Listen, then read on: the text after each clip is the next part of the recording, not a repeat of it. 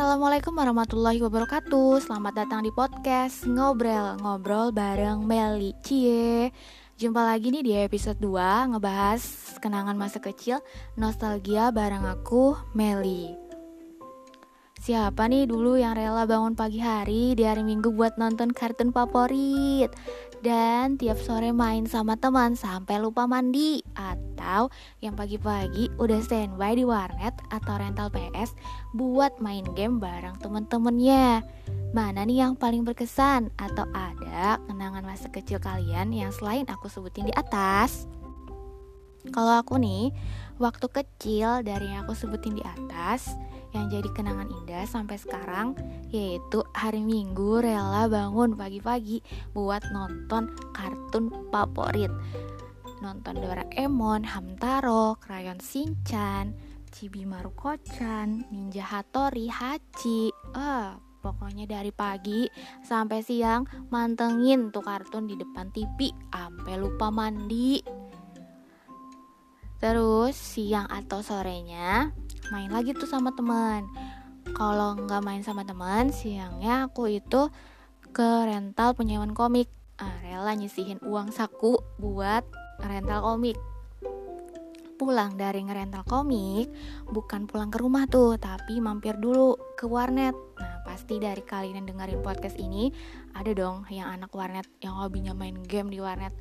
Game point blank counter strike ayo dance saga uh kalau aku dulu sukanya download lagu, browsing Friendster atau Facebook dan juga main game dong. Sampai tuh lupa mandi atau pulangnya sampai maghrib baru pulang ke rumah. Terus de, dulu waktu kecil pasti dari kalian yang dengerin ini suka ngoleksi benda-benda unik dari kertas binder, kartu Yu-Gi-Oh, poster idola, kelereng, penghapus yang gambar bendera, tulisan unik yang ada di tutup botol minuman, tamagotchi, jam monol, gelang power bell, power band, apa? Gelang power balance ya.